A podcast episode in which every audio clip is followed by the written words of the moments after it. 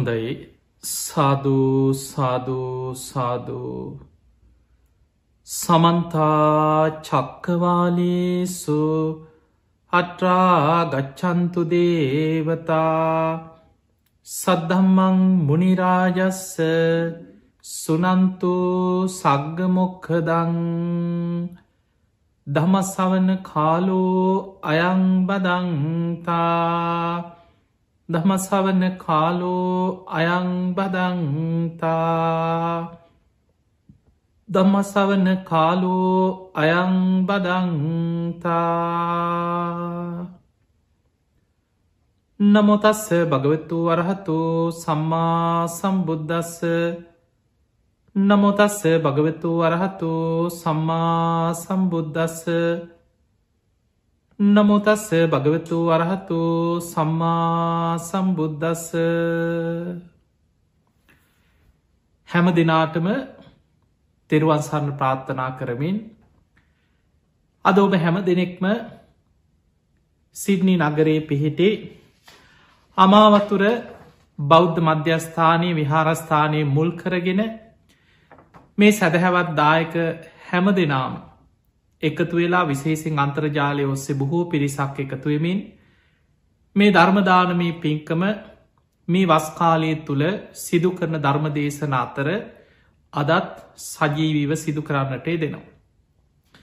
මේ උතුම් ධර්මදානමේ පින්කම වගේම මේ වස්කාලේ ඒ කටයුතු පින්කංවල දායකත්ත ධර්මින් කටයුතු කරනේ පින්වතුන් විශේෂයෙන් වෛද්‍ය චන්න පෙරේරා මහත්මා ඒ බිරිඳ පියුමිකා පෙරේරා මහත්මිය ඒ වගේම පුතනුවන් විදුර පෙරේරා ඇතුරුවේ පවුලෙ හැම දෙනාටමත් විශේෂෙන් මේ ධර්මදේශනාදී පින්කන් සඳහා දායකත්තෙන් සම්බන්ධ වෙන ගාමිනී ගුණතිලක මහත්මා මල්කාන්ති මහත්මිය ඒ දියනිය නිලේකා දියනිය ඇතුළේ පවුලෙ හැම දෙනාටමත් ඔබ හැම දෙනාටමත්.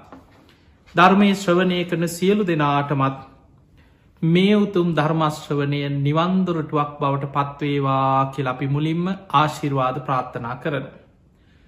පිඟතුනේ අද මේ උතුම් ධර්ම දේශනාවට ධර්මාණු ශාසනාවට මාතෘකාවක් හැටියට සඳහන් කරන්නට යෙදුනා සංසාර බය මේ යන සංසාර ගමනේ බියජනක ස්වභාවය පිළිබඳව මේ ධර්ම දේශනාව සිදු කරන්න කියන ආරාධනයේ දායකත්ය ධරණ පිංහතුන්ගේ අරමුණු අතර සඳහන් වුණා. පිංහතුනේ අපිට සද්ධාව ඇතිවෙන්නත් කෙනෙක් ධර්මී පිහිටන්නත් සංසාර බය දකින්න මෝනෑ.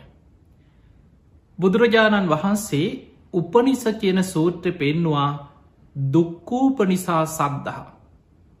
කෙනෙකුට සද්ධහා උපදින්න හේතුවෙන ප්‍රධානම කාරණයක් තමයි මේ සංසාර දුක සසර බය ගැන ඇතිවෙන වැටහීම. කෙනෙක් මේ සංසාරයට බය දකින්න දකින්න. එය අප්‍රමාදීව ධර්මය දියුණු කරගන්න උත්සාහයක් ගන්නවා. බුදුරජාණන් වහන්සේක තැනක පෙන්වා මහනෙන මේ ලෝකෙ මිනිස්සු බුදු කෙනෙක් තරම් මේ සංසාර භයානකකම මේ සසර ගමන අනතුර බුදු කෙනෙකුට තරම් මේ ලෝකෙ මිනිස්සුන්ට තේරෙනවන්නම් හිසගිනි ගත්ත කෙනෙක් ගින්න නිවන්න මහන්සි වෙනවා වගේ. ආයුදයකින් පහරක්කාපු කෙනෙක් තුවාලයක් සනීප කරගන්න වෙහෙසෙනවා වගේ. මොන වැඩ කටයුතු තිබුණත් ඒ සියල්ල පැත්තක තියලා ධර්මාවබෝධයට මේ මිනිස්සු මහන්සි වෙනවා. දැන් අපිට එහෙම වීරයක් ඇතිවෙන්නේ. දැන් සාමාන්‍ය ගත්තොත් මේ උපමාවම හිතන් හිසගිනි ගත්ත කෙනෙක් ගින්න නිවන්න මහන්සීනවා වගේ. අපි හිතම අපි වෙන වැඩක් කර කරන්න. එක්ක හදිසිය උයනවා කෑම කනවා. මොනවා හරි වැඩක් කර කර ඉන්නකොට කවුරු හරි ළඟින් පන්දමක් හරි පහනක් හරි මොනහරි අරගෙන යනකොට හදිසියේ හිසගිනි ගන්නවා. දැන් කකා හිටපු කෙනා කෑම කාලා අතහෝදගෙන මං පස්සේ ඔය ගින්න නිවනවා කියලා කෑම කන්නේ. මොන්න වැඩ කර කර හිටියත් ඒ බඩුමුට්ටු පෙරලගෙන හරි කොහොම හරි හිසගිනි ගත්ත කෙනා ඉක්මනට ගින්න නිවන්නයි මහන්සිවේ. ඊළඟ උපමාව බුදුරජාණන් වහන්සේ පෙන්නවා ආයුදයකින් පහරක්කාපු කෙනෙක් තුවාලයක් සනීප කරගන්න වෙහෙසෙනවා වගේ. අප හිතමු අපි නොසිතූ වෙලාවක. හදිසියේ එක කාටහරි ගහපු පාරක් වැරදිලා වැදුන කියලා හිතම පිහි පාරක් වදිනවා. මොකක් හරි හේතුවකි. එක්කො ලොකු තුවාලයක් වෙන ආයුධයක් අඩුගාන වැටිල හරි කියම් කකුලකට වැටිල හරි. දැන් අනිත් වැඩ ඔක්කොම පැත්තක තියලා ලොකු තුවාලයක් මාරාන්තික තුවාලයක් වෙච්ච කෙනෙ ඉක්මනින් කරන්නේ තුවාලි සනීප කරගන්න. රස්සාාවට යන්න ඇතුව හරි ඉක්මනට උත්සාහ කරන්නේ තුවාලට බේට්ටික දාගන්නයන්න. බුදුරජාණන් වහන්සේ පෙන්නවා මේ සංසාරය ගැන සතරාපාය ගැන. අපි මේ ඉපදමින් මැරමින් යන සංසාර ගමන ගැන මේ ලෝකෙ මිනිස්සුන්ට බුදු කෙනෙක් තරම් මේ ලෝකෙ ස්වභාවය දැකලා. මේ භයානක සංසාර ගමන ගැන වැටහීමක් දැනුමක් ඇති වෙනවන්නම් ඒ කෙනා හිසගිනි ගත්ත කෙනෙක් ගින්න නිවන්න මහන්සීන වගේ. ආයුදයකින් පහරක්කාපු කෙනෙක් තුවාලයක් සනීප කරන්න විහිසෙනවා වගේ ධර්මය අවබෝධ කරන්න මහන්සිගන්නවා කියල බුදුරජාණන් වහන්සේ පෙන්නු. පිංහතුනී සංසාර බය ගැන තේරුම් ගන්න. අපි මේ යන සසර ගමන ගැන තේරුම් ගන්න මං ඔබට බුදුරජාණන් වහන්සේ කාලි සිදුවීමක් දෙකක් පැහැදිලි කරලා දෙන්න. මෙන්න මේ සිදුවීම දම්ම පදේ සඳහන් වෙනවා තිස්ස භික්‍ෂුව ගැන වදාළ දේශනාව හැටියට. දැම් මේ වස්කාලෙන ගෙවෙන්නේ. විශේෂෙන් වස්කාලි මුල් කරගෙන තමයි මේ ධර්ම දේශනා මේ පින්කං බොහෝ විහාරස්ථානවල ලංකාවෙත් සිදුවෙනවා ලෝකෙ පුරාත් සිදුවෙනවා ඔබ මේ ඔස්ටේලියාවේ සිටනි නගරේ අමාවතුර මේ බෞද්ධ මධ්‍යස්ථානත් තුළත් මේ සිදු කරන පින්කම් වස්කාලයට සමගාමීවයි සිදු කරන්න. අපේ බුදුහාමුදුරු වැඩහිටිය කාලේ අලුත පැවිදි වෙච්ච තරුණ ස්වාමීන් වහන්සේ නම. උන්වහන්සේ පැවිදි වෙච්ච අලුත. ඔන්න පළවෙනි වස්කාලෙ උදාවනා. මේ හාමුදුරුවන්ගේ දැන් නෑ දෑයෝ යාළුව එහෙම හිතවත්තු ඇවිල්ලා ආරාධනයක් කරා ස්වාමීණය ඔබහන්සේ අපේ ගමේ අපි ඔබහන්සේට කුටියක් හදල තියෙනවා. ඔබහන්සේ අපේ ආරාධනින් වස් වසන්න. උන්වහන්සේට වස් ආරාධනයක් කාව. උන්වහන්සේත් බොහොම සතුටෙන් මේ ආරාධනාව පිළිගත්තා. දැන් පැවිදි වෙච්ච මුල බොහොම සතුටුවේ බොහෝම සීලාදී ගුණධර්ම පුරාගෙන ගුණධර්ම පුරණ කෙනෙ. දැන් උන්වහන්සේ අර වස්කාලේ මේ ආරාධනාව පිළි අරගෙන ඒ වස් ආරාධනාවෙන් අර කුටිය වස් සමාදන් වෙලා වැඩ හිටිය. ඔන්න වස්මාස තුනත් ගෙවුණ. තිමේ අය දන් පැන් පිළිගැන්නවා බණ කිව්වා ශාසනික කටයුතු සිදුවනා වස්කාල ඉවර වෙලා දැම් මේ ස්වාමීන් වහන්සේ බොහෝ දුර ඇත වැඩම කරන්න කල්පනා කරා. ඒ වෙලාවේ මේ ස්වාමීන් වහන්සේගේ අර යාලුවෝ ඥාතියනුත් හිටිය ඥාති නැගනයක් හිටිය. මේ නැගනිය පිරිසත් එක්ක එකතු වෙලා වටිනා රෙදි කඩක් සිවුරකට ප්‍රමාණවත් රෙදි කඩක් කරගෙන ඇවිල්ලා මේ පිරිසම උන්වහන්සේට පූජ කරා. ස්වාමීනය ඔබහන්සේට සිවුරක් කරගන්න කියලා ඔන්න අපි සාමාන්‍යයේ කාලි කියන්නේ දැන් අදත් අපි කියන්නේ කටින සීවරයකට අවශ්‍ය රෙදි කඩක්. අපි හිතම කටින දුස්සේ කියනවන. මිස් රෙදි කඩක් පූජක තාම සිවුරක් හදල නෑ උන්වහන්සේට මේක මහා වටිනා දෙයක් දැ මොකද අද වගේ නෙමේ ඒ කාලේ බුදුරජාණන් වහන්සේගේ කාලෙ ගොඩක් මේ සිවුරු අඩුපාඩු තිබිලතිය වටිනා රෙදික් තිබිල තියෙනෙ රජ පවුල්ලොල සිටු පවුල්ලල බොහෝම දනවත් අයට. සාමාන්‍ය අය බොහෝම අමාරුවෙන් තමයි රෙදි කෑල්ලක් හොයාගත්. තිය නිසා බොහෝ වෙලාවට භික්‍ෂූන් වහන්සේලාට බුදුරජාණන් වහන්සේ සමහරුන්ගෙන් අහනවා සිවුරු පිරිකර සම්පූර්ණද?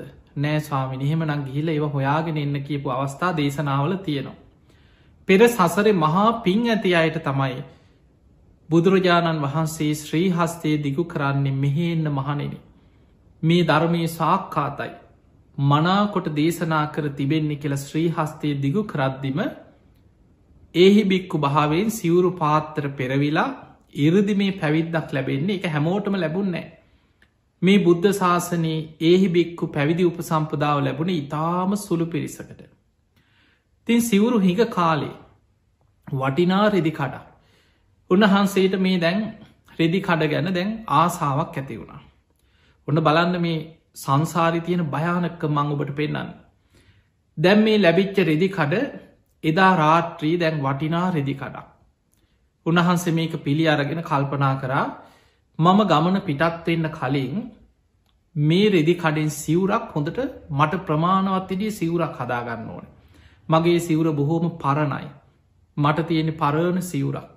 හොඳ සිවුරක් හදාගන්නවා කියලා දැන් අර රෙදි කඩ අතේ තියාගෙන දැන් රෑ තිස්සේ කල්පනා කරා. නිදාගන්න ගිහිල්ලත් අර රෙදි කඩ ගැන තමයි දැන් හිත. උදේ පාන්දර මේ වටිනා රෙදි කඩ අරගෙන තමන්ගේ නැගනියගේ නිවසට ගියා. ගිහිල්ල කීව නංගී ඔබට පුළුවන්නම් මෙන්න මේ විදිහට මට අදින්න ප්‍රමාණවත් සිවුරක් හදල මට දෙන්න පූජ කරන්න. ඉතින් පින්කරගන්න අවස්ථාව හොඳයි ස්වාමීනය කියලා මේ ස්වාමීන් වහන්සේට ප්‍රමාණවත් විදිහට කියපු විදිහටම අර රෙදි කඩ කපල ඔන්න සිවුරක් හැදුව. දැන් ඔය සිවුර හදන්නත් දවසත් දෙකක් යා ගියා කියලා හිතම් දැම් මේ ස්වාමීන් වහන්සේගේ හිත තියෙන අර සිවුරමයි. ඔන්න බලන්න අපේ හිත් ඇදීගෙන බැදීගෙන යන ආකාරය.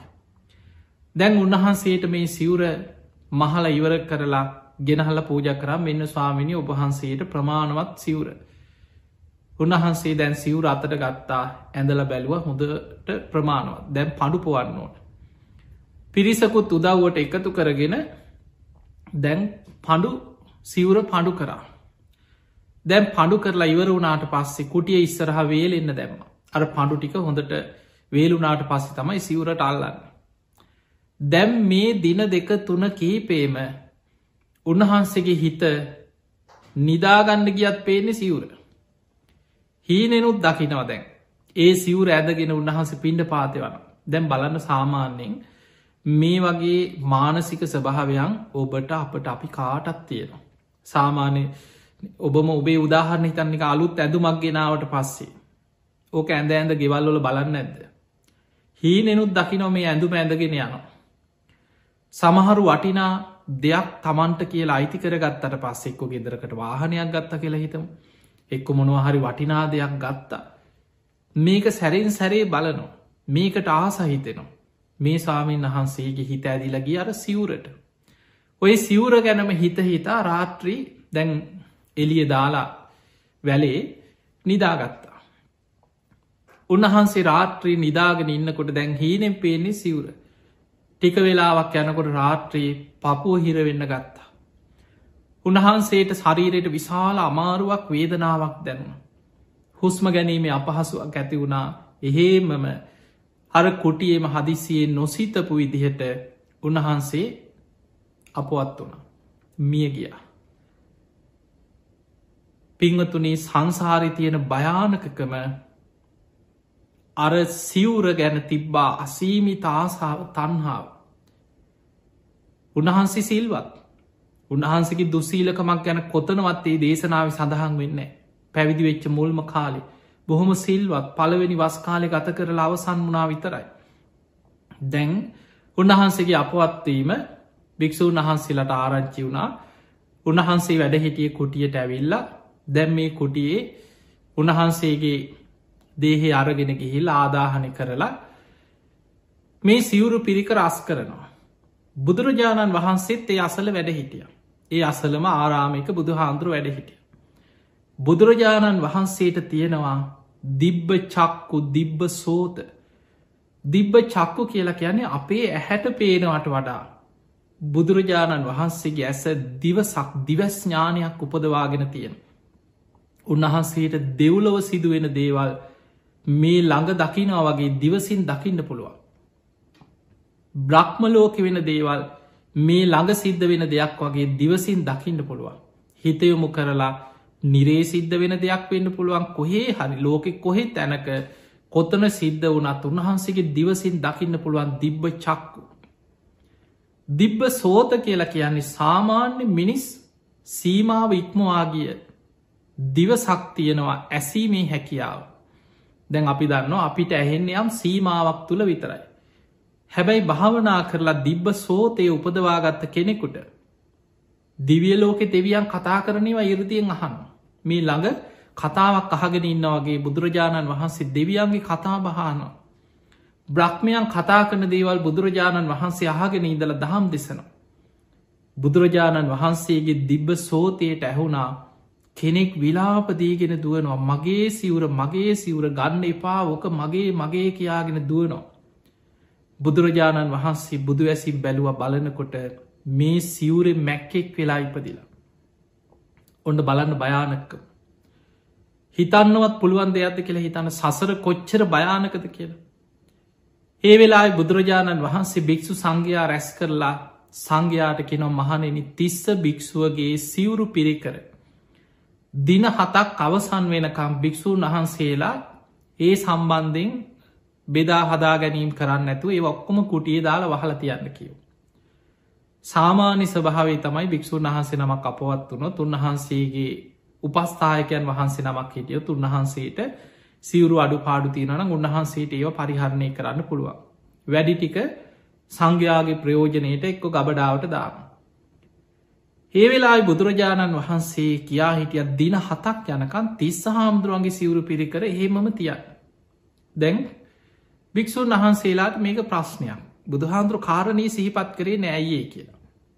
ඉන් දවල්ස දෙක තුන ගෙවුණ දින හත අවසන් වනා අටවෙනි දවසේදා දම්සභා මණ්ඩපේදී බුදුරජාණන් වහන්සේ වදාළ මහනෙනේ අර තිස්ස භික්‍ෂුවගේ සිවුරු පිරිකර දැන් සංඝයා සංග සම්මුතියෙන් ඒවා බෙදා හදාගෙන ඒ කුටි අස්පස් කරලා ඒ කටයුතු කරන්න දැන් කාලයයි කියව. ඒ වෙලා සාමීන් වහන්සේ නමක් අහනෝ ස්වාමීණී භාග්‍යතුන් වහන්සේ ඇයි තිස්ස හාමුදුරුවන්ට විතරක්. ඒ සිවුරු පිරිකර ගන්න එපා කිව දින හතක් එහෙම වහල තියන්න කිවයයි. ඒ වෙලේ බුදුරජාණන් වහන්සේ වදාලා මහනෙනි තිස්ස සිවුර ගැන තමන්ට ලැබිච්චේ සිවුර ගැන ආසාාවී බොහෝම තන්හාාවෙන් වාසය කරා.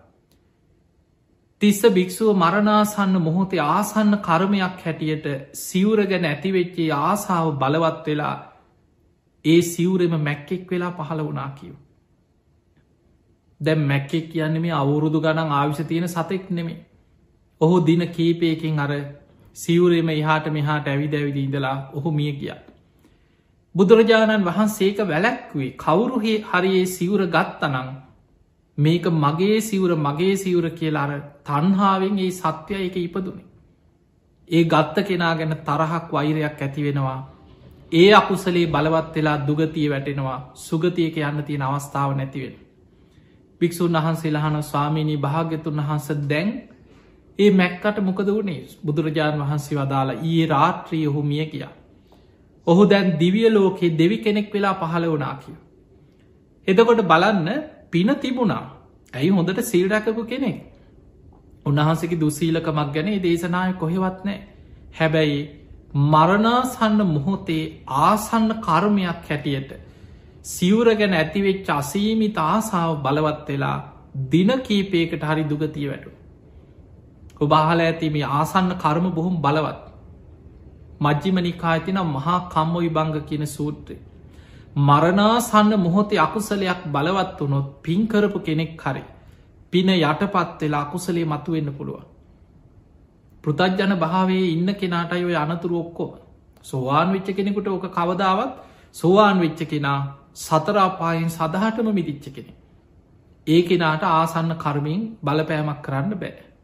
හැබැයි පෘතජ්ජන කෙනාට දන් දෙනවා සිල් රකිනවා පින්කං කරනවා බොහෝ පින්කං කරගෙන හිටියත් අන්තිම වෙලාවේ අකුසලයක් මතු වෙන්න පුළුව.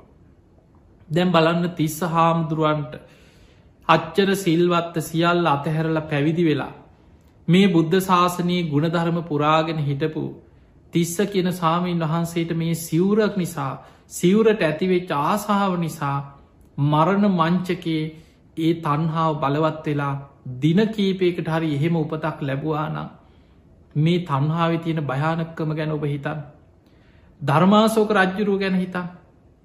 අපි මේ කරන පින්කම් මොනවද? ඔබ බොහෝම මහන්සි වෙලා එක විහාරස්ථානයක් ගොඩ නගල ඇති. එක්කො ලංකාවේ හරි කොහේ හරි දුප්පත් පන්සලක විහාරස්ථානයක එක්කො ධර්මශාලාවක් හදලා බෝධි ප්‍රාකාරයක් හදලා බුදුගයක් හදලා කොහේ අරි ඉන්න පිරිසකට ඔබ අසරණයන්ට උදව් කළ ජීවිතය කරගත්ත පින්කං ඔබට ඇති. හැබැයි අපි ජීවිත කාලෙම උත්සාහ කරත් අපේ හැකියාව හැටියට අපි පන්සලත් දෙකක් තුනක් මහා දක්ෂ කෙනෙ කීපයක් හැදුව කියලා හිතක්. අපිට කවදාවත් හිතන්න පුළුවන්ද අපේ ජීවිත කාලේ වෙහෙර විහාර අසූහාරදහක් හදන්න පුළුවන් කිය. ඒ අපිට හිතන්නවත් බැරිදයක්. ධර්මාසෝක රජතුමා යොදුනෙන් යොදුන අසූ හාරදාහක් වෙහෙර විහාර හැදෙව්. ඊළඟට තමන්ගේ එකම පුතා මහින්ද කුමාරයා පැවිදි කෙරෙව්. මිහිදු මහරහතන් වහන්සේ. තමන්ගේ දියනිය සංගමිත්තා රහත් භික්‍ෂුනිය. මුණබුරා තමයි සුමන සාමනේරයන් වහන්සේ. ඇසුරු කරේ මුග්ගලී පුතතිස්ස මහරහතන් වහන්සේය. දාහක් රහතන් වහන්සේලා එකතු කරලා ධර්ම සංගායනා කර. තුන්ගෙන ධර්ම සංගායනාව කළ ලෝකෙ රටවල් ගණනාවකට ධර්මය ව්‍යාප්ත කර. දැන් ඔය පින්කන් දිහා හිතලා ඔබ දිහා බලත් අපි මේ කරගෙන තියෙන පින් මොනවද කියලා හිතෙන්. එච්චර පින් කන්දරාවක් කරගත්තා. හැබැයි මතකතියාගන්න පිනාහිමි වෙන්නේ. නමුත් මේ සංසාරය භයානකකම තමයි මරණාසන්න මොහොතේ අකුසලයක් බලවත් වෙලා පින යට කරගෙන අකුසලයක් මතුවෙන්න පුළුවන් ඉරනමක් ජීවිතය තියෙනවා එක තමයි පෘතජ්ජන භාවය අනතුර ධර්මාසෝක රජතුමාට දැන් හිතන්න ඔබොය කතාව දන්නවා. ජීවිතයේ සමහර දේවල් නොසිතන විදිහට මේ කරමයත් එක්ක යෙදෙනවා. ඔබ සමහරලාවට පින් කරනවා බණහනවා දන් දෙනවා අපි හිතාගෙන ඉන්නවන්නේ මටනං එහෙම අවාසනාවන්ත ඉරණමක් අත් වෙන්නේ. මං හොඳට පින් කර ගත්ත කෙනෙක්. මගේ දරුවොත් හොඳට ධර්මී පිහිටපු අය. මගේ බිරිඳත් මාත් එක්ක හොඳට පින්කං කරන. ඔබට එහෙම හිතෙන්න්න පුළුව. එහෙම හිතිලා හිතෙන්න්න පුළුවන්නෑ මම ලෙඩ වනත් මං වයිසට ගියත් මගේ දරුව හරි මල්ලඟඉදී. ඒ අය හරි මට ධර්මී කියලදේ. සමහරු පින් පොත් ලියනවා. අපි පින් පොතක් ලියලා හිතනවා මං මැරෙනකොට මට මේ පින්කං කවුරු හරි ළඟයිනම් කියනවන අපි කවුරුත් කැමති පින සිහි කරගෙන අර දුටුගැම රජ්ජුරු වගේ සාධකාරදීගෙන පිරිත් අහගෙන නින්දෙන් පිබිදියාවගේ දිවිය ලෝකික පහළ වෙන්න කවුරුත් ආසයි. හැබැයි අපි නොසිතන ජීවිතය ඉර නම හිතාගන්න පුළුවන් දෙයක් නෙමේ. කාට කවද කොත්තන මොන විදිහට මරණයට පත්වෙන්න වේද අපි කවුරුද්දන්න දැම් බලන්න ධර්මාසෝක රජ්ජුරු. රජ්ජුරුව ළඟට ඒ තරං අධිරාජ්‍යයෙක් ළඟට සේවයට ගන්නේ විශ්වාසවන්තම කෙනෙක්නේ. ධර්මාසෝක රජ්ජුරුව ලෙඩ වෙලා ඉන්නකොට පාරයන මිනිහෙකුට අඩගහලා වැඩක් කරන්න බැයිද කියලා වටාත දෙන්න ෑන පවන්සලන් රජතුමාට පවන් සලන්න හරි ළඟට එන්නේ රජතුමා ළඟ කාලයක් වැඩ කරපු. රජතුමාගේ සිතුම් පැතුම් දන්න විශ්වාසවන්තම සේවකයෙක් තමයි රජ්ජුරුව ළඟම රාජකාරී යොදවන් හැබැයි ඔහුටත් මොකක් හෝ වැරදීමකින් රජතුමාට කේන්ති යන විදිහට අර වටාත්ත වැදුන කියෙන්. එක තැන් වෙලා රෝගීව හිටපු රජතුමාට ඒ පුද්ගලයා ගැන අර පවන් සලන කෙනා ගැන දවේශ හිතක් තරහක් කේන්තියක් ආව. ඒ එන කේන්තියේ ස්වභාවේ තමයි අපි අයෝනිසෝ මනසිකාරී යෙදෙන්න යෙදෙන්න නෝපන් අකුසල් උපදින උපන් අකුසලී බලවත්තෙන්. තමන්ට යමක් කරන්න අන දෙන්න අර වෙනද වගේ නැකිටලා යමක් කරගන්න බැයික තැන්වෙලා මරණා සන්න මොහොතේ. නමුත් දවේශ හිත බලවත් වුණා. ඒ දවේශයේ බලවත් වෙලා මිය ගියා දින කීපයකට හරි දුගතියක වැටුණ. ඒ නිසා පිංහතුනි ජීවිතයේ මරණාසන්න මොහොතේ අකුසලයක් බලවත් වෙලා දුගතියක වැටෙන් ඉඩකඩ තියෙනවා. ඔබත් මමත් අපි යන සංසාර ගමන. බුදුරජාණන් වහන්සේ පෙන්වේ සංසාරික සත්වයාට සතරාපාය හරියට මහගෙදර වගේ කිය. අපේ ජීවිතයේ කලාතුරකින් පිනක් මතු වෙලා මනුස්සලෝකෙක දිවිය ලෝකෙ අපියා දැම් මේ මනුස්සලෝක ඉන්න නිසා අපිට දැනෙන්නේ. මේක නිකන් දුර්ල බයි දුර්ල බයි කියලා කිව්වට බොහෝ වෙලාවට අපි හිතන ක්‍රමේ මොකද අපිට පේෙන් නෑන මේ ලෝක හැම දෙයක් අපිට චුතූප පාත ඥානය තිබ්බන අන්න අපි දකිටෝ. මේක පරීක්ෂණ නලයකින්වත් විද්‍යාත්මක උපකරණයකින්වත් මැරුණට පස්සේ උපදින තැන හොයන්න පුළුවන්කමක් නෑ අපිට. දැන් අපි වෛද්‍යවරයෙක් කියලා හිතා ඔබ කෙනෙක් මැරුණා කියලා නිගමනය කරන්නේ ඔබේ වෛද්‍ය දැනුමට අනුව එක්කොක එයාගේ හුස්ම වැටෙන්න්න ඇත්න නාඩි අල්ලල බලනවා ඇස්වලින් බලනවා. එයාගේ හදවත නතර වෙලා හුස්ම වැටෙන්නේ එතකොට මේ අනුව ඔබ යම් වෛද්‍ය විද්‍යාත්මක ඔබ නිගමනය කරනවා මෙයා මැරිලා. හැබැයි එයාගේ විඤ්ඥානය මානසික ලෝකය මේ ශරීරයෙන් බැහැරවෙච්ච හැටි වෛද්‍යවරයට පේන්නේ එයා චුත වෙලා උපත කරාගේ ආකාරි දකින්න පුළුවන්කමක් නෑ කර්මාන් රූපිය කොහෙද ඉපදුනේ කියල ඒක පේන්නේ ඒක දකින්න පුළුවන් චුතූපපාත ඥානයක් උපදවාගත්ත කෙනෙකුට විතරයි. අන්න බුදුරජාණන් වහන්සේ බෝධි මූලේදි තමයි චුතූපපාත ඥානය උපදවාගත්ත. ඒ තුළින් උන්වහන්සේ දකිනව සංසාරික සත්වයන් සතර අපාය මහගෙදර කරගෙන යන ගමනක් මේ. බුදු හාන්දුරුව දවසක් උපමාවකට පෙන්වා මහනෙනේ නියසිලට පස්්ටිකක් කරගෙන අපි දන්න පොළුවෙන් පස්්ටිකක් මේ නියසිලකට ගත්තොත්. ඉතාම ස්වල්පයයි නිකං හැන්දකටවත් එන්නේ නෑ මේ නියසිලකට කියන්න නිය පොත්තකට ගන්න ටික හිතා ඉතාම ස්වල්පයයි පස් චුට්ටක් නිය පොත්තකට ගන්න පුළුව. නියසිල වැවිල තිබුණත් පොඩ්ඩයි. බුදුහාන්දුරු භික්‍ෂූන් වහන්සේලට පේන්නනවා මහනින මේ මහපොළොවේ තියෙන පසුයි තතාගතයන් වහන්සේගේ නියසිලේ තියෙන පසුයි අතර වෙනස නුබල දකිනවත් එහෙමයි ස්වාමීනි. සාමීනී භාකිතුන් වහන්සොය නියසිලේ තියෙන ඉතාම ස්වල්පයයි. මේ මහපොළොවේ තියෙන පස් සීයෙන් පංගුවක් දාහෙම් පංගුවක් ලක්ෂෙන් පංගුවක් ඉලක්කමකින් බින්දු ගානකින් කියන්න බැරි තරම් විශාලයික මහපොළොව. බුදුරජාණන් වහන්සේ වදල මහනිනි නුබලාට මං උපමාවක් හැටියට මේ පෙන්නුවේ. සතර අපායි වැටි වැටි දුක්හිඳ විඳ යන සංසාරික සත්වයම් මහපොළොයි පස් වගේ කිව්. මේ නියසිලට ගත්ත පස් වගේ ටික දෙනයි කීවා මනුස්ස ජීවිත ලබලයි. දැන් ඔය කාරණය ඔහොම කිව්වට ඇත්තන එන්නම් එහෙම කිව්වනේ කියලා අපිට හිතෙනවා. හැබැයි හිත ඇතුළෙන් අපිට හිතෙනවා ඒ වුනාට ඔච්චර මිනිස්සු ඉන්නේ? නිකම් බව අවංකව හිතන්නක. ඔබට හිතෙනවා මෙච්චර මිනිස්සු ඉන්න මේ කෝටි දැන් හත්සීය කටසියක් ඉතර ඉන්න ලෝකෙ. මේ තරන් ජනගහනයක් ඉන්නේ. අපි ඕක තේරුම් ගන්න ඕන මෙන්න මේ විදිහට. අපිට මේ උපමාව අපි ගලප ගත්තොත් අපිට සංසාරි ගැන ලොකු දැනුමක් ඇති කරගන්න පුළුවන්. දැන් ඔබත් මමත් අපි කවුරු තර නියසිලට ආපු පිරිසක්.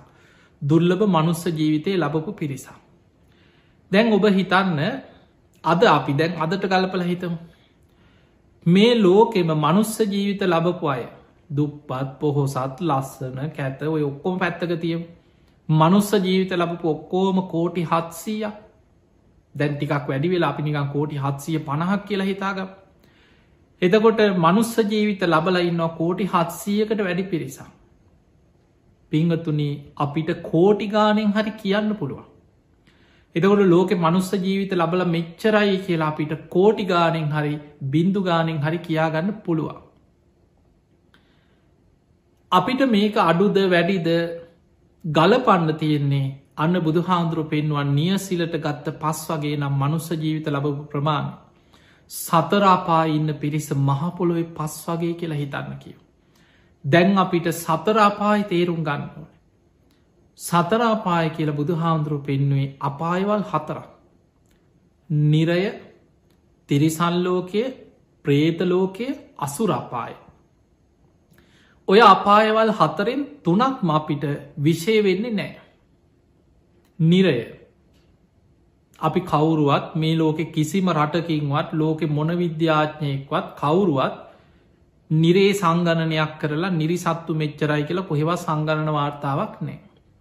එතකොට ඔබවත් මමවත් අපි කවුරුත් බුදු හාන්දුරන්ගේ දේශනාවලින් දේවදූත සූත්‍රය බාල පණ්ඩිත සූත්‍රය අපාය ගැන කරපු දේශනාවලින් නිරේ මේ වගේ කියලා දැනගත්තට අපි කවුරුත් කොච්චරක් ඉන්නවද කියලා නිරි සත්තු දන්නේ නෑ. ඒ නිසා නිරේ අපි පැත්තක තියම පේෙන් නැති නිසා අපිට පේන්නේ. ඊළඟට ප්‍රේතාපාය අපි ඒක දකින්නෙත් නෑ. ඒ දිවසත් නෑ අපිට දිවස්නුවනක් නෑ ප්‍රේතය දකින්න. දැකපුයි හිටිය බුදු හාදුරුව විතරක් නෙමෙයි මුගලම් මහරහතන් වහන්සේ ගොඩා කිරදි බල සම්පන්න රහතන් වහන්සේලා ප්‍රේතියව සමඟ කතා කරපුය පේතවත්වය දේශනාවල තිය. අපිට පේනෑන අපි ඒකත් පැත්තක තියම් ප්‍රේතලෝක පේනෙත් නෑ. ඊළඟට තවත් අපායක් තමයි අසුරාපාය. අපිට ඒක පේනෙත් නෑ. අසුරාපාය. හැබැයි අසුර අපාය ගැන බුදුහාන්දුරන්ගේ දේශනාවල තියෙනවා මික තියෙන පහාරාධ කියල සූට්‍රක. පහරාද කෙන සූට්‍ර බුදු හාන්දුරුව පෙන්නනවා මහා සාගරයේ මහා මුහුදෙ ඉන්නවා අමනුස්යෝ යොදුන් සිය ගනන් විශාල අමනුස්යෝ ඉන්නවා කෙනවා මහා සාගරය ඇතුළේ ඒ අයි ගැන තියෙනවත් තිමි තිමංගල තිමිර පින්ඩල නාග අස්සුර ගහන්දරු. ඔය කියන්නේ මනුස් අමනුස්යෝ මාලු නෙමේ මුහදේ අපි දකින්න මාලු නොයෙක් සත්තු ගොරෝසු සරී ඇතිව පීනගෙන යන සත්තු තම අපි මුහද දකින්න. හැබැයි බුදුහාන්දුර පෙන්නා මහ මුහුද ඉන්න අමනුස්ස වර්ග අමනුස්යෝ ඒ අයි තිමි කියල අමනුස්ස කොට සක්කි නොමුහොද තිමංගල කියලා අමනුස්ස කොට සක්කින්න තිමිර පින්ඩල කියලා අමනුස්ස කොට සක්කින්න නාග නාගලෝක තියෙන මහා සාගරය ඇසුරු කරේ එතකොට අස්සුර අන්න අසුර කියන අපාය මහා මුහුද තියෙන් ගහන්දරුව මුහද ඇසුරු කරගත්ත පිරිසා. එතකොට මේ අසුර කියන අය මුහුද ඉපදච්ච දුක්විදින අමනුස්ස කොටසා එතකොට ඔය වගේ දේශනාවතින අපි ඒකත් පැත් දෙක ඒක පේනෙත් නෑන. එතකොට සතර අපායෙන් හතරෙන් එකයි පේන්නේ. හතරින් තුනක්ම අපිට විශය වෙන්නෙම නෑ. අපිට නොපෙනෙන හතර තුන පැත්තක තියල අපි පේන ටිකගම පේන්න තිරිසන් ලෝකෙ. දැන් ඔන්න තිරිසන් සත්වයන් ගැන බුදුහාන්දුරන්ගේ විග්‍රහයක් කරණය මිත්ත සූත්‍රය තියෙනවා. කරණය මිත සූත්‍රය අපි කවුරුත් දන්නවනේ ඔබට කටපාඩන් ඇති. ඔය කරණීමිත සූට්‍ර බුදුහාන්දුර විස්තර කරනවා තිරිසන් සතුන් ගැන. දීගාවා දීර්ග ශරීර ඇති තිරිසන් සත්තු ඉන්නවා. මහන්තාවා මහත ශරීර ඇති තිරිසන් සත්තු ඉන්නවා. මජ්ජිමාවා මධ්‍යම් ප්‍රමාණ ශරීර ඇති තිරිසන් සත්තු ඉන්නවා. රස්ස කුඩා සත්තු ඉන්නවා. අනුක තූලාව අනුක කියන්නේ පියවි ඇහැට නොපෙනෙන සත්තු ඉන්නවා. අමනුස්යෝ නෙමේ තිරිසන් සත්තු ඉන්නවා පියවි ඇහෙන් දකින්න බැරි සත්තු ඉන්නවා. දැම් බුදු හාමුදුරුවෝක දැක්කේ අන්වීක්සෙන් නෙමේ. අදාපි අද ලෝකේ අන්වීක්සේ හොයාගත්තට පස්සේ අපි බල්ල කියනවා මෙහෙම සත්තු ඉන්න වන මේ පුංචි සත්තු ඉන්නවා. ඇහැට පේෙන් නැති සත්තු ඉන්න බුදු හාමුදුරුව ඒ අයි ගැන පෙන්වේ අනුක ඇහැට නොපෙනෙන සියුම් සත්තු ඒ අයි තිරිසංගත සත්ව පිරිසක්. තූලාවා වටකුරු හැඩෙන් යුක්ත සත්තු ඉන්නවා. දිට්ඨාවා ඒ අද්දිට්ටා දැකල තියෙන සත්තු වගේම ජීවිතයට නොදැකපු සත්තු ඉන්නවා. දැන් ඔය සත්ව විග්‍රහයම හිතල බල. පිංහතුනේ අපි තේරුම්ගම් මෙහෙම අපි හිතමු. සාමාන්‍යෙන් අපේ ඉඩම ගැන හිතමු. ඔබ ඔස්ටේලියාව හරි ඔබ ලංකාව ගැන හරි හිතාගන්නකු බෝස්ටේලියාව හිටියත් බොහෝ වෙලාවට ලංකාවේ අදැකින් තින අපි ලංකාවෙනි අයිඩම ගැන හිතම. අපිට පර්ජස් දහයක් හරි විස්සක් හරි තියෙනවා කියලා හිතන් අපිට කියලා ඉඩම මහපොළොව එතකොට ඔබේ ගෙදර මහ ගෙදරම කියලා හිතාගන්න වැඩිපුර කට්ටිය හිතාගම ඔය ගෙදර දහ දෙනෙක් ඉන්නවා කියලා හිතා පර්ජස් දහයක් විස්සක් තුළ ගෙයක් හදාගෙන ජීවත්වෙන්නේ දහ දෙනයි ඔය දහ දෙනා ජීවත්වෙන ඉඩම ඉන්න සත්තු ටික ඔබට ගණන් කරන්න පුළුවන්ද කියල හිතා. ඔබ නිකං හිතන්න ඔය භූමිය ඔය ඉඩම ඇතුළේ ඉන්න ඇහැට නොපෙනෙන සත්තුනෙම අන්වීක්සිෙන් හොයලා නෙමේ. පේන ඇහෙම් බලලවත් පේන සත්තු ටිකවත් හොයාගන්න පුළුවන්ද. කූමි ගුලක් ගත්තොත් කෝටි ප්‍රකෝටිකාන වේයෝගුලක් බල පොළොව හාරන්න හාරන්න පොළොවෙ සත්තු නැද්ද. කොච්චර පොළොව ඇතුළේ පනුවෝ සත්තු කොච්චර ඉන්නවද. අඹ ගෙඩියක් කුණුවෙන්න තියල බල මොන තරම් පනුවෝකේ ඉන්නවද කියලා. ඒ නිසා අපේ ඇහැට පේන තිරිසං ලෝකයේ සත්තු ටිකවත් අඩුගාන පර්චස් ගනන්ගොලින්න මේ ඔබ පුංචියට පුංචියට කළ නිකං හිතන්න වර්ගාඩිය පොළොවේ වර්ගාඩියක් ගත්තත්. අසූචි ගොඩක ඉන්න පනුවටික නිකං හිතන්න අපිට ගණන් කළ අවසන් කරන්න පුළුවන්. ඔය අපේ ඇහැට පේන සත්තු. නොපෙනෙන සත්තු බුදුහාමුදුරට පෙන්න්නපු අනුක කියලා ඇහැට නොපෙනෙන සියුම් සත්තු. අන්වීක්ෂයෙන් බල්ල හොයන්න තරන් ඉන්න සත්තු. කොච්චර ඇද්ද. ඔය එකාපායක්. නිරේ අපි දන්නේ නෑ කොච්චරද කියලා කෝටි කීයක් නිරේ දුක්විදිනවාද කියලා අපි දන්නේ. ප්‍රේතාපායි ප්‍රේතයෝ කෝටි ගණනින් කොච්චරක් ලෝක ඉන්නවාද අපි ඒක දන්නෙත්න. අසුරාපාය ගැන දනන් ගණන් දන්නෙත් නෑ. එතකොට ඔක්කොම එකතු කරපු හම් බුදුරජාණන් වහන්සේ පෙන්වේ මහනෙනේ සතරාපාඉන්න පිරිස මහපොළොවේ පස් තරන් කියලා හිතන්න කිය. ඒ තරන් සත්වයෝ සතරාපායි දුක්විඳවිඳ අපායෙන් අපායට වැටි වැටි යන. ඔයා අතරේ මනුස්ස ජීවිත ලබන්නේ මෙන්න මෙච්චරයි කිව. නිය සිලට ගත්ත පස් ටිකක් වගේ. මනුස්සලෝක ඉන්න පිරිස අපිට ඉලක්කමින් කියන්න පුළුවන්. කෝටි ගානින් හරි අපි කෝටි හත්සියක් කියල හරි කියන අපිට තිරිසං අපාය හිතාගන්නවත් පෑ පිංහතුනි අටුවාවක දේශනාවක බුදුරජාණන් වහන්සේ පෙන්න්නනම් මහනෙන විඤ්ඥාන උපත් හොය හොය සැරි සරන්නේ මහා වරසාාවකට අහසින් වැහිබින්දු වැටෙන්නේ යම්සේද? ඒ වගේ විඤ්ඥාන හැම වෙලාම මේ පරිසරි උපත් හොය හොය සැරි සරනවා කිය අපිට පේෙන්නෑ එක දැම් බලන්න අඹ ගෙඩියක් කුණු වෙනකොට ඔය අඹ ගෙඩිය ඇතුළට විඤ්ඥාන කොච්චර රිංග ගන්නවද කියලා? ඒ ශ්‍රාවය ඇති. තෙත් පරිසරයෙන් උපදිනවා කියලා තියෙනවන. මවකුසිං විතරන්නමේ සත්‍යය උපදින් මවකුසිං උපදිනවා බිත්තර ඇතුළෙන් සත්‍යය උපදිනවා ඕපපාතිකෝ පහලෙන තෙත් පරිසරය උපදින. විඤ්ඥානයට තෙත් පරිසරයක් ඒක සමහලාට අඹගෙඩියක් කුණු වෙනකොට කුණු වෙලා යන ශ්‍රාවය ඒත් ඇති විඤ්ඥානයක් ඒක බැසගෙන පනුවෙක් හැටියට ශරීරයක් හදාගන්න. අසූචි ටිකත් ඇති. ඒ අසූචි ගොඩට බැසගන්නවා විඤ්ඥානය ඒකෙන් පනුවෙක් හැටියට ශරීරයක් හදාගන්න. කුණු කානුවල අසූචි ගොඩක මේ පොළොව ඇතුළේ මළමුට්ට ටිකෙන් පවා කයක් හදාගන්න. විඤ්ඥානි බැසගත්තට පස්සේ නාමරූප ධර්මයන් හැටියට තමන්ට ශරීරයක් හදාගන්න අර කයක් හදාගන්න. ඒ නිසා මෙවැනි සංසාර ගමන කාපි ඉපදමින් මැරමින් ඉපදමින් මැරමින් යන්න. අපිට තේරෙන්නේ අපි මේ ඉන්න තැන වටිනාකම සසරි භයානක්කම අපිට තේරෙන්නේ මොකද අපි ඉන්න අවිද්‍යාව තුළ තන්හාව තුළ අවිද්‍යාව තන්හාාවේ ලක්ෂණය තමයි බුදු හාන්දුරු පෙන්වා මහනෙන තන්හාාවේ ලක්ෂණය තමයි යායන් තන්හා පෝනෝ භවිකා. තන්හාාව නිසා පුනර් භවයක් ඇතිවේ තන්හාාවෙන් මොකද කරන්නේ? අපිට ආයමත් පුනක් භවයක් පෝනෝ භවිකා. උපතක් හදල දෙනවා. කොහේ හරි. එක්ක නිරයෙන්න්න පුළුවන් එක්ක ප්‍රේතාපායක වෙන්න පුළුවන් එක්ක තිරිසන් ලෝක වෙන්න පුළුවන් එක් අයි මවකුසක වෙන්බලක් කොහේ හරි උපතක් හදලද පෝනෝ භවිකා. නන්දිරාග සහගතා.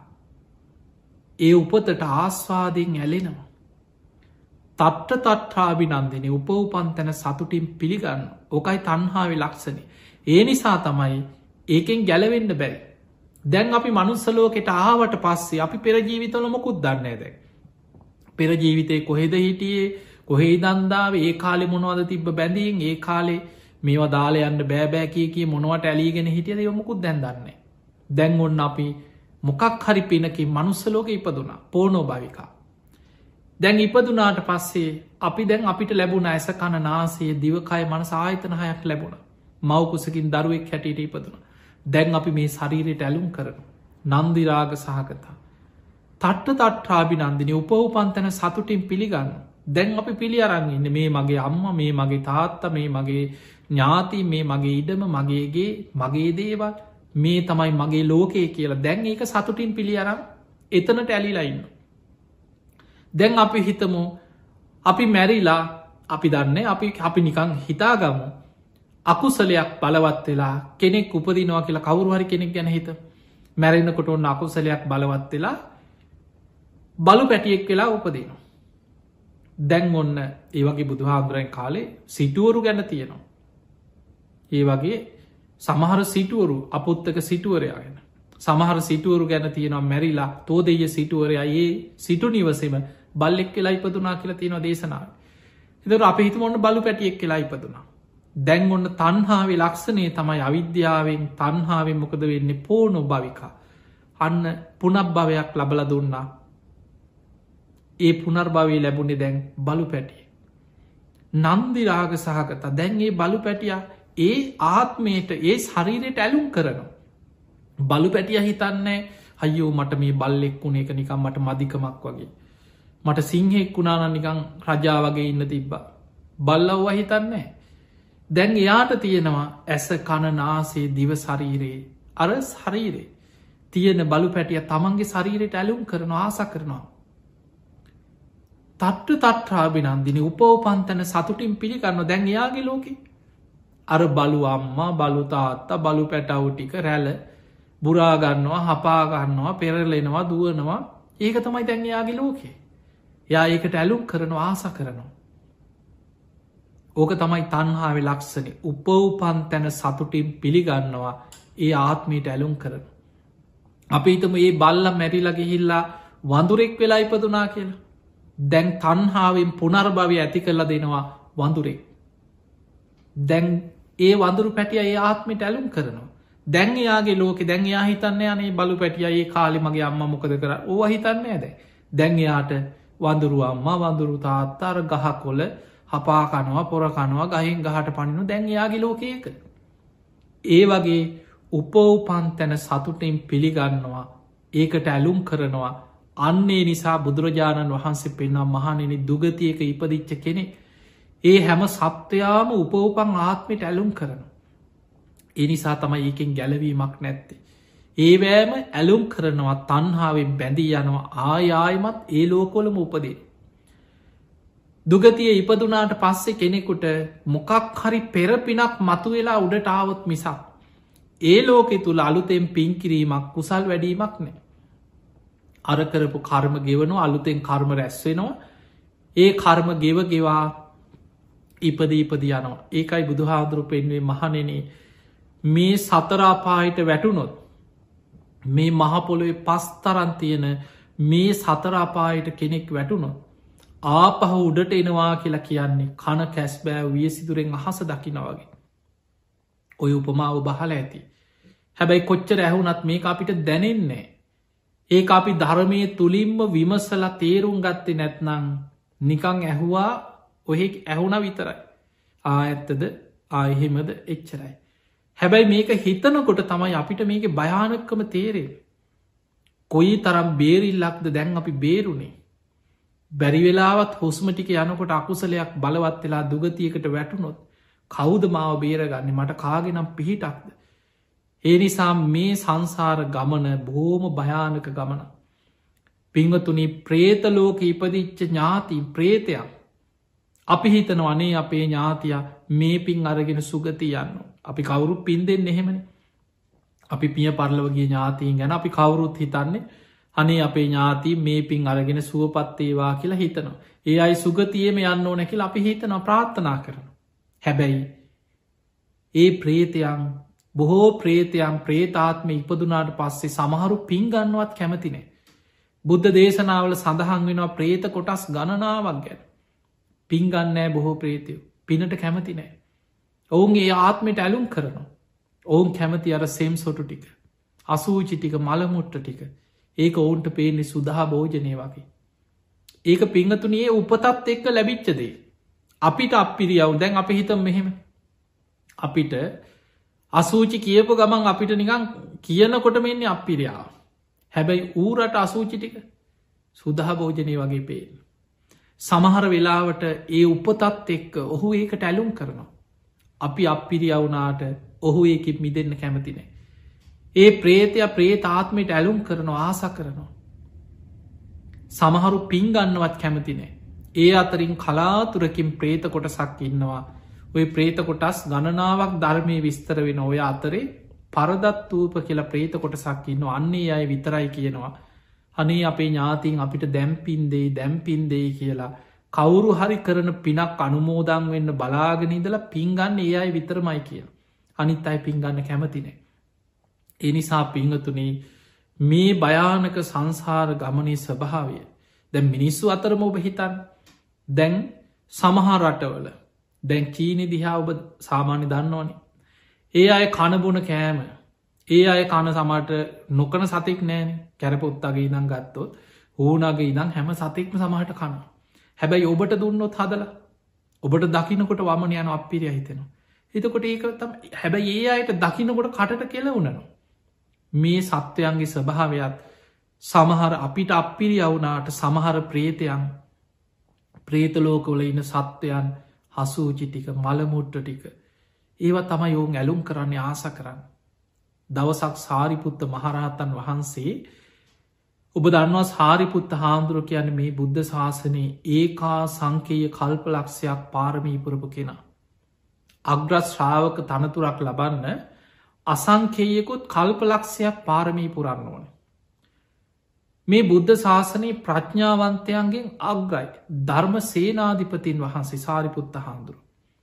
බුදුරජාණන් වහන්සේගේ දේශනාව ඒ විදිහට පවත්වන්න පුළුවන් භික්‍ෂූන් වහන්සේලා අතර සාරිපුත්තයන් වහන්සේ අග්‍රයි කියන. ඒ සාරිපුත්තයන් වහන්සේ වඩිනකොට දෙව් බඹුන් අහස පිරිලා සාධකාර දෙනවා. උන්වහන්සේ දවසක් වඩිනකොට පාත්තරය අරගෙන පිණ්ඩ පාති වඩිනකොට පඳුරක් අස්සේ ඉදං විශාල් දුර්ගන්ධයක් හමන ඇට සැකිල්ලක් වගේ ප්‍රේතිය ඇගේ මස් කඩා හැලෙනවා. ඒ ඒ අමනුස්්‍යයන්ට කර්මාන් රූපිය ලැබිච්ච සරීට ඔය පේතවත්වේ ගොඩාක් තියෙන අමුත්තුම සරීර මොකද මේ මනුස්සයවා ගැනීම ඕපපාතිකවන ලැබෙන් හැබැයි ඒ අමනුස්්‍යයන්ට කය ගණ කරගෙන කෙනෙක් ඉදිරියේ පෙනී ඉන්න පුළුව එයාගේ ශරීරයේ අපිට නොපෙනුනාටේ ගන්ධය අනිත් අයට දැනෙනවා. දැන් සාරිපුත්ත හාන්දුරුව ඉදිරියට මේ ප්‍රේතිය පඳුරක් අස්සී නං ඉස්සරහට ඇවිල්ලා කය ගණ කරගෙන පෙනී හිටිය. සාරිපුත් හාන්දුරුව දැක්කා ඇට සැකිල්ලක් උන්ඩි වෙලා ඉන්නා වගේ ඇගේ මස් කඩා හැලෙන විශාල දුර්ගන්ධයක් හමන ප්‍රේතිය. ඒ දිහා අනුකම්පාවෙන් බල්ල සාරිපුත්ත හාන්දුරු කල්පනා කරා මෙහෙමත් අකුසල විපාක ගෙවන අමනුස්යෝ ඉන්න වනේ කියලා අනුකම්පාවෙන් බැලුව ඇති මොනව කරන්නද. උන්වහන්සේ පාඩුවේ පින්ඩ පාති වඩින ගමන උන්වහන්සේ ඉස්සරහට අට පාරදිග ඉදිරියට වැඩිය. පියවර කීපයක් යන්න ඇරලා මේ ප්‍රේතිය කියනව ඇහෙන්න ස්වාමීනි අහක බලන් යන්න එපා. මම ඔබවහන්සේගේ ආත්ම පහකට පෙර අම්ම කියෝ. සාරිපුත්ත මහරහතන් වහන්සේ නතර වෙලා බැලුව ඇත්තද. මේ ප්‍රේතිය කියන කතාව ඇත්තද කියලා දිවසිම් බැලුව. බලනකොට දැක්ක ඇත්ත. ආත්ම පහකට පෙර එදා සාරිපුත්තයන් වහන්සේගේ සසරය අම්මා. ඒ ජීවිතය කරපු අකුසලයකින් ප්‍රේතලෝකෙට වැටිලා තාමත් අවුරුදු සමාට ලක්ෂ ගානක් වෙන්න පුළුවන්ගේ වෙනකොට තාම ප්‍රේතියක්. එතකොට ආත්ම පහකට පෙර සාරිපුත්ත හාමුදුරුවෝ ඒ ප්‍රේතිය මනුස්සලෝක ඉපදිච්චේ ආත්මේ සාරිපුත්ත හාන්දුරන්ගේ ආත්ම පහකට පෙර අම්මා. එතනින් පස්සේ තාත්ම පහක් ඉපදිලා රූපසාරී බැමිණියගේ දරුවෙක් හැටියට අපේ බුදුහාන්දුරු පහළ වෙච්ච කාල ඉපදිලා උපතිස්ස සාරිපුත්ත හාන්දුරුවේදා උතුම් ධර්මය අවබෝධ කරගෙන රහත් වෙලා දෙව් මිනිස්සුන්ගේ වන්දනා ලබමින් උන්වහන්සේ වඩිනෝ. හැබැයි ආත්ම පහකට පෙර අම්ම තාම ප්‍රේතියක්. සාරිපුත්ත හාන්දුරු ඇහුවා ප්‍රේතිය මොනවද ඔබ මගින් බලහපොරොත්තුවේ. අනේ ස්වාමීනි මුළු ඇඟම දනවා කිව සා පිපාසාාවෙන් ඇඟ පිච්චෙනවා. මං ගැන අනුකම්පා කරලා මට පින් දෙන්න කවුරුවත් නෑ කියව. මං විශාල දුකක් විදිනවාකිව ආහාර හොයාගන්න යොදුම් ගනම් මං යනවා. නමුත් මට ආහාරවලින් කුසගින්න දැන නිවෙන්නෑකි. එදකොට සාරිපුත්ත හාන්දුර අහන ප්‍රේතිය නුඹ කුසගිනි නිවාගන්නේ මොනවද ඔබේ ආහාරපාන. ඔන්න ඔබට මේ කතාව තියෙනවා පේතවත්වේ තියෙනවා සාරිපුත්ත මාතා පේතවත්වූ කියලා තිය. ඔබට පෙරලල බලන්න පුළුවන් ඒක තියෙනවා කෑම ලිස්්ට එකක්. ප්‍රේතයන් කණපුන ආහාර. අන්න ඒක කියෝපු හාම කියෝන කොටත් අපිරි හිතෙනවා. ඔන්න අමනුස්්‍යයන්ගේ ජීවිත මේ ප්‍රේතිය කෙනව සාමීනය මිනි පිච්චෙනකොට උතුරලා යන උරුණු තෙල් ආග්‍රහණක අපි කනව වගේ කනවනෙම ඒවා ආග්‍රහණය කරනකොට කුසගින්න ටිකක් නිවෙනවා කියන. මලමිනි කුණු වෙලා යනකොට ගලන ඕජාව ආග්‍රහණය කරන ඒවා උරාබනවා කියෙන එතකොට කුසගින්න ටිකක් නිවෙනවා කියන. කාන්තාවන්ගේ පිරිමින්ගේ ශරීරවලින් ගලන අසූචිවර්ග මළමුට්ට කෙළගහනේවා ඒවා උරාබොනකොට ටිකක් කුසකින්න නිවෙනවා කිය. ඔය වගේ ගොඩා පිළිකුල් සහගත කණබොන කෑම. ගැන වෙන දේකින් ප්‍රනීත දේකින් කුසකින්න නිවෙන්නේ. කුසගින්න නිවෙන්නේ කර්ම විපාකෙට අර වගේ දේකින් විතරයි. එතකොට සාරිකුත්ත හාමුදුරුවෝ ඒ වෙලාවෙ පිණ්ඩ පාති වැඩිය. වැඩම කරලා එදා තමන්ට දානෙ ලැබුණට පස්සේ වෙන දනම් තමන්ගේ පාත්තරයට තමන්ට සෑහෙන්න දානෙ ලැබුණ හම දානෙ වලදන. එදා සාරිකුත්ත හාදුරු මුළු පාත්තරී පිරෙන්න්නම පිණ්ඩ පාති කරා. අර පාත්තරේ තරගෙන ආරාමිට වැඩම කරලා තවසාමීන් වහන්සේලා කීප නමක් සිවරු පොරෝණුව පිණ්ඩ පාති වඩි. සාරිකුත්ත මහරහතන් වහන්සේ කිව ආයුෂ්මතුනේ ඔබහන්සේලා අද දානශාලාවට ඔහොම වඩින්න. ඔබහන්සේලා පින්ඩ පාති වඩින් අවශ්‍ය නෑ මං අද ඔබහන්සේලාට පින්ඩ පාති කරගෙන මට අද දානයක් පූජ කරගන්න අවශ්‍යයි. තමන් පින්ඩ පාති කරපු දාන ටික තමන්ගේ පාත්තරෙන් අනික් සංඝයාට බෙදල දන්දුන්න. දන්දීල සාරිපුත්ත හාමුදුරු ප්‍රාර්ථනාවක් කළ ඒ පින් අනුමෝදන් කරා අද මං පින්ඩ පාති කරගත්ත මගේ පින්ඩ පාති දානය මං සංඝයාට දන් දුන්න. මේ දානමී පින මීට ආත්ම පහකට පෙර මගේ අම්ම වෙලා. තාම ප්‍රේතලෝක සාපිපාසාාවෙන් දුක්විදින මේ ප්‍රේතිය මේ පින් අනුමෝදන් වෙත්වා. සාපිපාසා සංසිදේවා කුසගින්න සංසිදේවා මේ ප්‍රේතිය සුවපත්තේවා කියල සාරිපුත්ත හාන්දුරු පින්දුන්න. මේ පින්දුන්නේ සාමාන්‍ය කෙනෙක් නෙමේ මේ බුද්ධ ශාසනයේ සාරිපුත්තයන් වහන්සේ ප්‍රඥාවන්තයන්ගින් අග්‍ර ධර්ම සේනාධිපතින් වහන්සේ. ඒ පින් දෙනකොටම අර ඇට සැකිල්ලක් වගේ තිබ ශරීරයේ දිව්‍යාංගනාවක් වගේ කය එහෙම්මම වෙනස් වන. කුසගින්න පිපාසෙ නැති වුණ. දිවිය සලු වගේ සලු ශරීරයට පහළ වුණ. ආහාරපාන පහළ වෙන්න පටන්ගත්ත.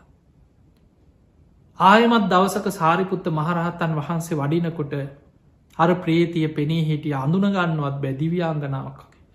පෙනීදල සාරිපුත්ත හාන්දුරන්ට පින්දීලා කියන ඔබහන්සේට බොහෝ පින් අයිති වෙනවා. ඔබහන්සේ පින් අනුමෝදන් කරදී ඒ පිනෙන් මන් සුවපත් වනා සැපවත් වනා කිය. හැබැයි පිංහතුනි මතකතියාගන්න සාරිපුත්ත හාන්දුරන්ට පින් දීලා ඒ ජීවිතේ තාව කාලිකව සැපයක් ලබල දෙන්න පුළුවන් වුණා. ඒ පිනේ විපාක බලවත්ව තියෙන තාක්කල් අර ප්‍රේතියට කුසගින්න පිපාසෙ සංසිදිලා ආහාරපාන පහළ වෙලා බොහෝම දිව්‍යාංගනාවක් වගේ සැපසේ පිනේ විපාක තියෙන තාක්කල් ඉන්න. හැබැයි සාරිපුත්ත හාමුදුරන්ට ඒ ආත්මින් ගලවන්න බැයික කාටවත් කරන්න බෑ. තම තමන් සසරෙ වපුරපු දේවල්ලේ. හැබැයි සාරිපුත්ත හාන්දුරුව පින් දෙනකොට තමන්ගේ පෙර පිනක් මතු වෙලාව තමන් එතනින් සුගති යනොයි කර්මිකෙවිලා. ඒ ඇරෙන්න අපිට පින්දීල අපිට ඕන විදියට තව කෙනෙක්ගේ සංසාර ගමන අපිට උපද්ධවන්න බෑ. අපි කවුරුත් එකින එකා වපුරගත්ත දේවල් අපි කවුරුත් අස්වැන්න කරගෙන සසර යන පිරිසා. ඒ නිසා මේ සංසාර ගමන බොහෝම භයානකයි. නිරේ ස්භාව කොයි වගේ ඇත්ත. බුදුරජාණන් වහන්සේ පෙන්නුනම් මහනෙනින් නිරේ ඉන්න නිරි සත්වයක්. හැම වෙලාවිම සමහට කල්ප ගණන්ගේ වෙනවා. අපි මනුස්සලෝක නම් අවුරුදු පණහයි හැටයි උපරිම සීයයි කියලා හිතම. හැබැයි ප්‍රේත ලෝකට වැටුනත් අවුරුදු දහස් කාන දැන් අර සාරිපුත්ත හාන්දුරගේ අම්ම වෙච්ච ප්‍රේති අවුරුදු දස දහස් කනම් ප්‍රේත ලෝක ප්‍රේතියක් හැටියට හිටපු කෙනෙ. ඒ වගේ නිරේ ඉපදිච්ච නිරි සත්‍යයෝ සමහර විට බුදුවරු පහළ වෙලා පිරිනිවන් පාල තව බුදු කෙනෙක් පහළ වෙලා ඒ දන්නෙත්න ඔහු අපායි. ඒ අකුසලේ ගෙවලා ගෙවලා ගෙවලා ඉවර වෙලා යම් පිනක් මතු වෙනකොට තමයි අපායින් චුත වෙලා උඩටෙන්. අපිට ඕන විදිහට සසර යන්න පුළුවන්කමක්න කරමයෙන් අපි උපද්ධවන්නේ කරමයෙන් අපි අරගෙනයන් අන්නේ නිසා මේ සංසාර ගමන ගැන හිතන් බුදුරජාණන් වහන්සේ මේ සසර ගැන දේශනා කරපු දේශන ඔබ පේතවත්තු සිදුවීම් සිය ගානක් තියෙනවා. අරගෙන කියවන් හොයාගන්න පුළුවන්. ඔබට අන්තර්ජාලයෙන් හරි හොයාගන්න පුළුවන්. පේතවත්තු ගැන තියෙන පොත්පත්. ඒ වගේම සසරබිය ඇතිවෙන දේශනාවන් නිතර අහන්න බණහන්න. සංසාර බයක් ඇතිවෙන්න ඇතිවෙන්න තමයි සද්ධහා උපදේ. ඔබට මං මේ දේශනාව ආරම්භීම සිහිපත් කරා සද්ධාවට හේතුව තමයි දුක්කූප නිසා සද්ධහා. සසර දුක සංසාර බය සසර බය ඇතිවෙන කෙනා තමයි කොහොමද මේකෙන් බේරෙන්නේ කියලා හිතන්න. කොහොමද මේකෙන් ගැලවෙන්න කියලා ගැලවෙන ක්‍රමයක් හොයන්නේ. අන්න යාට තමයි ගුරූපදේශ රහිතව තමන් වහන්සේ විසින්ම සංසාරදු කවසන් කරගත්ත බුදුරජාණන් වහන්සේව තමන්ගේ ශාස්තෘන් වහන්සේ හැටියට මුණගැහි. අන්න එයා බුද්ධන් සරණං ගච්ඡාම කියලා බුදුන් සරණ යන්නේ මේ සංසාර ගමනින් නිදහස්වෙන මාර්ගය පෙන්නන මගේ ගුරුවරයා ශාස්තෘන් වහන්සේ හැටියට මං බුදුහාමුදුරම පිළිගන්නවා කියන තැනට ඇවිල්ල. ඊළඟට බුදුරජාණන් වහන්සේ වදාළ ධර්මය නිවන් මඟ තමයි සසරින් මිදෙන මාර්ගය. ඒ මාර්ගේම මං ගමන් කරලා ඒ මාර්ගය අනුගමනය කරලා මං මේ සංසාරදුකෙන් මිදෙනවා කියන තැනට ඇවිල්ල තමයි දම්මන් සරණං ගච්ඡාමි කළයා ධර්මය අවබෝධයෙන් සරණයන්. ඉළඟට එයා බලනවා මේ මාර්ග වඩල ඇත්තටම ප්‍රතිඵල ලැබුවද. මේ ගැලවෙච්චයි ඉන්නවද හිටියද. අන්න යාට දකින්න ලැබෙනවා සෝවාන් විච්චාය සකදාගාම විච්චා අනාගාම විච්චයි රහතන් වහන්සේලා මේ බුද්ධ ශාසනයේ එක්කෙනෙ දෙන්නෙක් නෙමේ කෝටි ගණන් ශ්‍රාවකයෝ ධර්මය අවබෝධ කර. එහෙම නං මේ නිවන් මග කරායන්න ගමනේ පෙර ගමන්කරුවක්. අපි මේ යන ගමනේ පෙර ගමන්කරුව තමයි ඒ උතුන් ආර්ය මහා ශ්‍රාවක සංගරත්නය මාර්ග පල්ලපු ශ්‍රාවකයෝ. සංගන් සරණං ගච්ඡාම කියලා අපි ඒ අය සරණ කරගෙන ඒ ගමන් කරපු මාර්ගී අපිත් ගමන් කරනවා කියලා අන්න අවබෝධයෙන් තිසරණයට එන. අන්න එතන ඉදං එයා සංසාර බය ඇති කරගෙන අප්‍රමාදීව ධර්මය අවබෝධ කරගන්න මහන්සි ගන්න. තින් එහෙම නං ඔබ හැම දෙනාටමත් මේ ලැබිච්ච මනුස්ස ජීවිත අපි දන්නේ නෑ කවදා කොතන කොයි මොහොතේ හුස්මටිකයයිද. මේ ලෝකේ පුරා හිතන්න බැරිවෙන විති දැම් බලන්න මේ වසංගතය දිහා ලෝකෙ මොන තරම් වේගෙන් පැතිරීගෙන යනවද මිනිස්සු කොච්චර අසරනද. ඒ නිසා විටිං විට නොයෙක් හිතාගන්න බැරි විපත්තුලින් අපි අසරණ වෙන. ඒවැනි ජීවිතයක් තුළ යන්තම් පෙර පිනකට මනුස්ස ජීවිතය ලැබුණ තාම ඒ මනුස්ස ජීවිතය කොහොම හරි බේරිලා තාම තියෙනවා. ඒ අතර බුද්ධ ශාසනයක් මුණ ගැහුණ. ධර්මයට හිත පැහැදුනා ලේසි දෙයක් නෙමේන. මනුස්ස ජීවිත ලබපු කීයෙන් කී දෙනාටද බුද්ධ ශාසනය මුණ ගැහෙ. එතනිනුත් කීයෙන් කී දෙනාටද බුද්ධ ශාසනය ගැන හිත පහදී. ෂණ සම්පත්ති ඇතිවෙන් ඒ සියල්ල තමන්ට ලැබුණ. බුදුරජාණන් වහන්සේ පෙන්න්නන්නේ දැන් කළ යුතු දේ තමයි අප්‍රමාදීන සම්පාදයට අප්‍රමාදීව මාර්ගය වඩන් අප්‍රමාදීව කුසල් වඩන් ඉති ඔබ හැම දෙනාටම අප්‍රමාදීව සද්ධහාදී ගුණ ධර්ම දියුණු කරගෙන. උතුම් ධර්මීම අවබෝධ කරගන්න වාසනාව ලැබේවා ලැබේවා ලැබේවා කියලපි ආශිර්වාද ප්‍රාර්ථනා කරනවා. තින් එහෙම නම් පිංහතුනේ මේ ධර්මශ්‍රවනින් ඔබ රැස් කරගස් සියලු පින් සියලු දෙවියෝ සාධු කාරදිදී අනුමෝදන් වෙත්වා දෙවියන්ගේ පිහිට රැකවරන ආශිර්වාදය ඔබ හැම දෙනාටමත් සැලසේවා විශේසිෙන් සිටනි නගරේ අමාවතුර බෞද්ධ මධ්‍යස්ථානී පූජනී විහාරාධිපති නායක හාන්දුරන් වහන්සේ විහාරවාසිය වැඩ සිටින අනිකු සියලූම ස්වාමීන් වහන්සේලා නිදුක්කේවා නිරෝගිවේවා සුවපත්තේවා. උන්වහන්සේලා සිදු කරන ශාසනික කටයුතු තව තවත් දියුණු කරගෙන උන්වහන්සේලාටත් ප්‍රාර්ථනය බෝධියකින් උතුම් ධර්මයම අවබෝධ කරගන්න මේ පින ආශිර්වාදයක් වේවා කෙලපි ආශිර්වාද කරමු. ඒ වගේ මද මේ උතුම් ධර්ම දේශනාවේ පින් බරදායි කත්ති ධර්මින් කටයුතු කරන්නට එදුනේ වෛද්‍ය චන්න පෙරේරා මහත්මා බිරිද පියුමිකා පෙරේරා මහත්මිය ඒ පුතනුවන් විදුර පෙරේරා ඇතුරුයි පවුලේ පින්වතුන් ඒවගේම මේ වසරේ කටන පින්කමේ දායකත්තේ භාර්ගෙන කටයුතු කරන ඒ කට් පින්කංගුලේදනේ පින්වතුන් වගේම අද මේ ධර්ම දේශනාව දායකත්තයෙන් සම්බන්ධ වෙන කටයුතුවට සම්බන්ධ වෙන ගාමිණී ගුණතිලක මහත්මයා මල්කාන්ති මහත්මිය දියනිය නිලේකා ඇතුළු ඒ පවුලි හැම දෙනාටමත් විහාරස්ථානී දායක කාරකාදී සියලු දෙනාටමත් ධර්මශ්‍රවනය කර ලක්වාසී ලෝවාසී හැම දෙනාටමත් විශේසිෙන් ඔස්ට්‍රේලියාවේ සිටි නගර ඉන්න ඔබේ දායක කාරකාදී පිංගතු ව්‍යාරස්ථානයට සම්බන්ධ හැම දෙනාමත් ඔබ හැම දෙනාමත් නිදුක්කේවා නිරෝගිවේවා සුව පත්තේවා සුව පත්තේවා සුව පත්තේවා හැම දෙනාට මුතුම් ධර්මාවබෝධය පිණිසම මේ පින ආශිර්වාදයක් වේවා කියලපි ආශිර්වාද කරනවා. ඕම වන්දනා කරගන්න. අභිවාදන සීලිස්ස නිච්චංවද්ධා ප්‍රචායිනෝ චත්තාරෝ දම්මා වඩ්ඩන්ති ආයුවන්නෝ සුකම් බලං. ආයුරාරෝග්‍ය සම්පත්තියේ සග්ග සම්පත්තිමීවච අතෝ නිබ්භාන සම්පත්ති මිනාති සමිච්චතු හැම දෙනාම නිදුක්කේවා නිරෝගිවේවා සුවපත්තේවා සුවපත්තේවා හැම දෙනාටම තෙරුවන් සරණයි.